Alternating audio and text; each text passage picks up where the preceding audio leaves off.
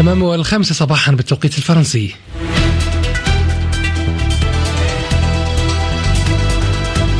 ساعتنا الثانية من صباح مونتي كارلو الدولية تنطلق وفيها نشرة إخبارية جديدة أعدها ويقدمها آدم جبيرة صباح الخير آدم. صباح نور رضا طاب صباحكم مستمعينا الكرام في أبرز عناوين هذه النشرة. قلق دولي من هجوم إسرائيلي محتمل على رفح في جنوب قطاع غزة حيث نزح أكثر من مليون فلسطيني. حزب الله يطلق صواريخ على موقع للجيش الإسرائيلي في الجولان السوري ووزير الخارجية الإيراني يشدد من بيروت على مواصلة دعم طهران لحزب الله. بايدن وشولتز يضغطان على الكونغرس الأمريكي لإقرار مساعدات لأوكرانيا على غرار الاتحاد الأوروبي. نواز شريف وعمران خان يعلنان عن فوزهما في الانتخابات التشريعية بباكستان. مونتي كارلو الدولية. نشرة الأخبار. مرحبا بكم بينما أمر رئيس الوزراء الإسرائيلي بنيامين نتنياهو بإعداد خطة لإجلاء المدنيين من رفح بجنوب قطاع غزة تمهيدا لتنفيذ هجوم توالت ردود الفعل المحذرة من التداعيات الخطيرة لهذه الخطوة. الأمم المتحدة عبرت عن قلقها على مصير المدنيين في رفح مشددة على أنه لا ينبغي تنفيذ أي تهجير قسري جماعي فيما اعتبر مسؤول السياسة الخارجية في الاتحاد الأوروبي جوزيف بوريل أن الخطة الإسرائيلية لمهاجمة رفح تثير القلق. وحذرت كندا من أن الخطوة ستكون لها تداعيات مدمرة. هذا القلق الدولي تصاحبه مخاوف كبيرة في رفح التي تؤوي أكثر من مليون نازح فروا من الدمار والمعارك في باقي مناطق القطاع المحاصر ويعيشون وسط ظروف إنسانية كارثية كما ينقل من هناك وسام أبو زيد. تتصدر مدينة رفح جنوب القطاع مشهد الأحداث الميدانية بعد أن كثف الجيش الإسرائيلي من عملياته العسكرية مخلفا عشرات الضحايا بالتزامن مع تهديده باجتياح المدينة برا. اجتياح أصبح حديث النازحين من بينهم أيمن برهوم النازح من خان يونس. لو صار دخول بري أو اجتياح فأنت بتحكي عن مجازر كبيرة راح تصير في مدينة رفح. فمدينة رفح نزح إليها نحو مليون ونصف إنسان من كل محافظات القطاع ويعيشون في ظروف إنسانية كارثية يسكنهم الخوف من قصف يفقدهم المزيد من الأحبة وهو ما عبر عنه الطفل حسن مهدي. لو اجتاحوا البر إحنا طبعا كلنا هنروح. وممكن يعني أهلي يموتوا. يعني أنا بقدرش أتحمل فراق الأهل. فرفح هي آخر محافظات القطاع وملاصقة لمحور فيلادلفيا الفاصل بين غزة ومصر وهو ما زاد من قلق الفلسطينيين أن يجبرهم التوغل البري على اللجوء إلى الأراضي المصرية كما يقول شعيب أبو جهل النازح من غزة. في حال تم استخدام من القوة إحنا ما بنعرفش إحنا وين نروح يعني بالنهاية. ممكن نروح على سينا ممكن نروح على غزة لكن بنهاية المطاف إحنا ما بدناش نخرج من غزة ما ضلنا موجودين فيها. ويتشبث الفلسطينيون بأمل أن تفلح الجهود الدولية العربية بوقف الحرب خلال المفاوضات الجارية. وسام أبو زيد غزة مونتي كارلو الدولية. في موازاة ما يحصل في رفح شنت إسرائيل ضربات جوية استهدفت مبنى سكنيا غرب العاصمة السورية دمشق صباح اليوم حسب ما أفاد المرصد السوري لحقوق الإنسان. في حين ذكرت وسائل إعلام رسمية سورية أن الدفاعات الجوية السورية تصدت لهجوم جوي إسرائيلي. قبل ذلك أكد الجيش الإسرائيلي أن طائراته الحربية قصفت موقعا عسكريا كان ينشط فيه مقاتلون من حزب الله اللبناني في مارون الراس ومجمعات عسكرية في بلدتين أخريين الحوثيين في جنوب لبنان. في المقابل أعلن حزب الله أنه أطلق عشرات الصواريخ على موقع للجيش الإسرائيلي في الجولان السوري. تزامن هذه الهجمات تزامنت مع زيارة وزير الخارجية الإيراني حسين أمير عبد اللهيان إلى بيروت حيث أكد من هناك أن إيران ستواصل دعمها الثابت للمقاومة وللبنان على حد قوله في إشارة إلى حزب الله. إيمان لحمود. وزير الخارجية الإيراني شدد على مواصلة دعم بلاده لحزب الله في لبنان وأشار إلى أن أمن هذا البلد هو من أمن إيران والمنطقة. جاء ذلك في مؤتمر صحفي عقده وزير الخارجية الإيراني في مطار رفيق الحريري الدولي في بيروت عقب وصوله في زيارة غير محددة المدة سيلتقي خلالها بعدد من المسؤولين اللبنانيين.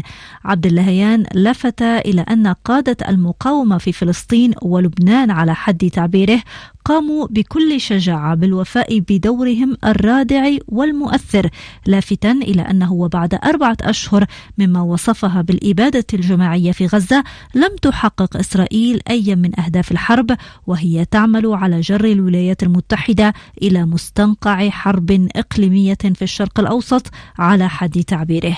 بيروت هي المحطة الأولى إذا في جولة إقليمية ستقود عبد اللهيان إلى دمشق مطلع الأسبوع المقبل وربما إلى دول أخرى إحداها قطر والتي تلعب دورا حاسما في المفاوضات الرامية لإنهاء الحرب في غزة.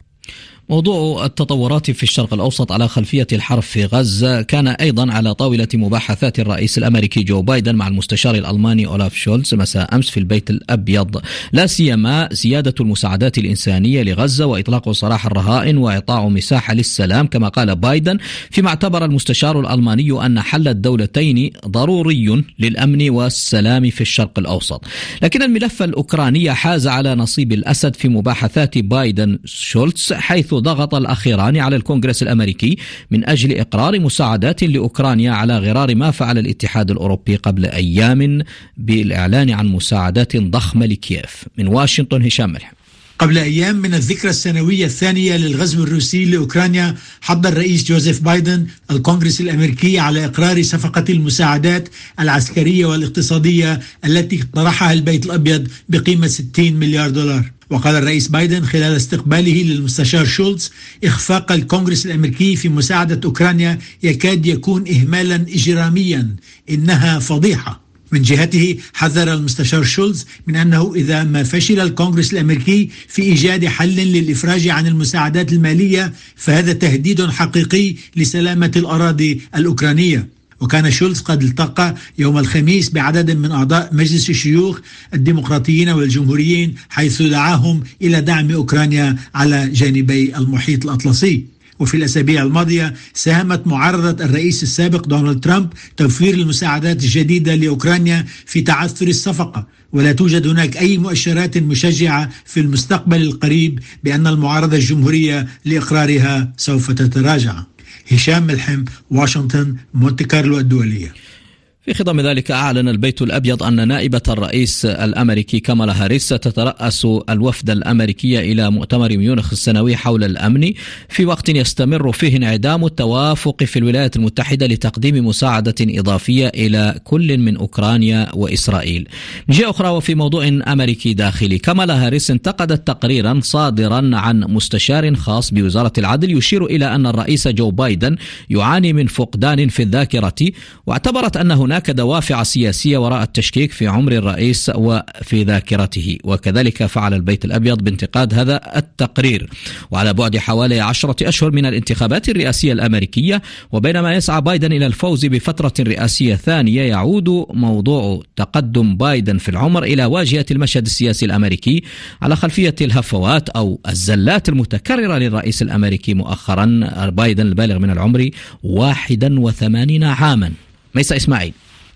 إن هيئة المحلفين ستواجه صعوبة في إدانة جو بايدن. إنه رجل مسن ودود بنيات حسنة مع ذاكرة ضعيفة. هذا ما قاله المدعي الخاص روبرت هور. أقوال أثارت غضب بايدن. قائلا ذاكرتي بخير. كان يفترض أن يتلقى الرئيس الديمقراطي البالغ من العمر 81 عاما نبأ سارا إلا أن القاضي أرفق تقريره بتعليقات مدمرة سياسيا لجو بايدن الذي يخوض حملة انتخابية. وبناء على هذه التطورات طالبت شخصية من المعسكر الجمهوري بتطبيق البند الخامس والعشرين من الدستور الذي يتيح إنهاء مهام الرئيس في حال لم يكن قادرا على توليها. هذا الجدل السياسي يتزامن مع تشكيك شعبي أثبته استطلاع للرأي أجرته شبكة ان بي سي إذ عبر 76% من الناخبين الذين شملهم الاستطلاع عن قلقهم بشأن قدرة جو بايدن الجسدية والعقلية على تأدية ولاية ثانية مقارنة ب 48% فقط بشأن دونالد ترامب الذي يبلغ 76 عاما وينتقد أيضا لكثير من الهفوات. الحديث عن ترامب يا ميسا استطلاعات الرأي تشير إلى أن بايدن سيواجه في نوفمبر المقبل ترامب الرئيس الجمهوري السابق الذي أطلق عليه أطلق على بايدن في الماضي لقب جو النعسان ويعمد إلى تقليده خلال تجمعاته الانتخابية فيصوره كخصم تائه ومشوش. دانت الولايات المتحدة الأمريكية ما وصفته بالعنف الانتخابي في باكستان وعبرت عن قلقها حيال مزاعم التدخل في العملية الانتخابية التي جرت هناك كما شككت في القيود غير المبررة كما المبررة كما قالت التي تم فرضها خلال العملية الانتخابية لكنها أبدت استعدادها للعمل مع أي حكومة مقبلة يتم تشكيلها كما جاء على لسان المتحدث باسم خارجيتها ماتشو ميلر. هذا فيما أعربت بريطانيا عن قلق بالغ حيال مجريات العملية الانتخابية في باكستان وحضت السلطات على احترام حقوق الإنسان. يأتي ذلك في وقت أكد فيه رئيس الوزراء السابق المسجون حاليا عمران خان عن فوزه في هذه الانتخابات التشريعية وكذلك فعل رئيس الوزراء السابق نواز شريف داعيا إلى تشكيل ائتلاف من دون كتلة عمران خان رغم أنها المتقدمة في النتائج حتى الآن. من إسلام آباد فؤاد أحمد. بالرغم من عدم الانتهاء من عملية فرز الأصوات وإعلان نتائج الانتخابات رسميا إلا أن زعيم حزب الرابطة الإسلامية ورئيس الوزراء السابق نواز شريف والمنافس الأكبر لحزب عمران خان المسجون يحتفي بفوزه في الانتخابات ويقترح تشكيل حكومة وحدة. الأمر الذي أثار استغرابا واستهجانا في الوسط الباكستاني مع إقراره بأن حزبه لم يحصل على أغلبية واضحة في مقاعد البرلمان مما يجعله غير متمكن من تشكيل الحكومة بنفسه. يأتي هذا في الوقت الذي تستمر فيه عملية فرز الأصوات مشيرة إلى تقدم واضح لحزب عمران خان في حكومة المركز وإقليم بختونخوا وإقليم البنجاب. وقد تأخرت لجنة الانتخابات العامة في الإعلان عن النتائج على غير العادة وأرجأت اللجنة هذا التأخير إلى تعليق خدمات الهاتف المحمول. فؤاد أحمد إسلام آباد مونتي كارلو الدولية وسجلت مظاهرات في مدن باكستانية مختلفة على خلفية هذه الانتخابات والجدل حاصل حيال هذه الانتخابات إذن في هذا البلد. هنا في فرنسا توفي روبير بادانتير وزير العدل الفرنسي الأسبق الذي عرف بإلغائه لعقوبة الإعدام في هذا البلد قبل حوالي أربعة عقود. نجوى أبو الحسن. ولد روبير بادانتير في باريس عام 1928 في عائلة يهودية مهاجرة أصولها من بسرابيا أي مولدافيا الحالية. جده ووالده وعدد من أفراد عائلته توفوا في معتقلات النازية لكن روبير ووالدته وشقيقه نجحوا بالفرار ولاذوا إلى مقاطعة السافوا.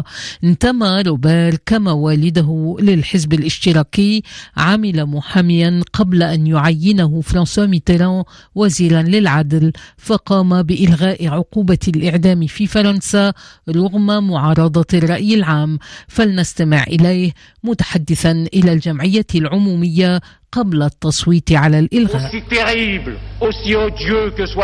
مهما بلغت أفعاله من بغض وقبح لا يوجد إنسان على وجه الأرض ذنبه مطلق ويجعلنا نيأس منه بالكامل وإلى الأبد. أما العدالة فهي عدالة الإنسان وبالتالي هي غير معصومة عن الخطأ مهما كان حرص القيمين عليها من نساء ورجال. روبير بادانتير ساهم أيضا بإزالة جريمة المثلية الجنسية التي فرضها نظام فيشي كتب عدة مسرحيات وتولى مناصب عدة منها رئاسة المجلس الدستوري وعضوية مجلس الشيوخ. إلى الرياضة الآن الرياضة إلى بطولة أمم إفريقيا لكرة القدم في الكوت ديفوار. اليوم مباراة تحديد المركز الثالث بين جنوب إفريقيا والكونغو الديمقراطية. ياسر بوسعدية من هناك. مباراة يأمل من خلالها المنتخبان في إنهاء المسابقة بميدالية برونزية. مشوار منتخب البافانا بافانا توقف عند عتبة نصف النهائي بعد خسارته بركلات الترجيح أمام نيجيريا وقبلها أقصى منتخبي الرأس الأخضر والمغرب في الأدوار الإقصائية. تاريخيا حقق منتخب جنوب إفريقيا المركز الثالث مرة واحدة. أما المنتخب الكونغولي المتوج باللقب مرتين عامي 68 و 74 فكان مشواره عصيبا في النسخة الحالية للكان تحت قيادة مدربه الفرنسي سيباستيان دي سابر. زملاء سيدريك باكامبو حققوا فوزا وحيدا كان أمام غينيا في ربع النهائي فيما اكتفوا بأربع تعادلات وهزيمة واحدة أمام البلد المضيف في نصف النهائي. منتخب الفهود لم يسبق له التتويج بالميدالية البرونزية طيلة مشواره في هذه المسابقة ويأمل في تحقيقها.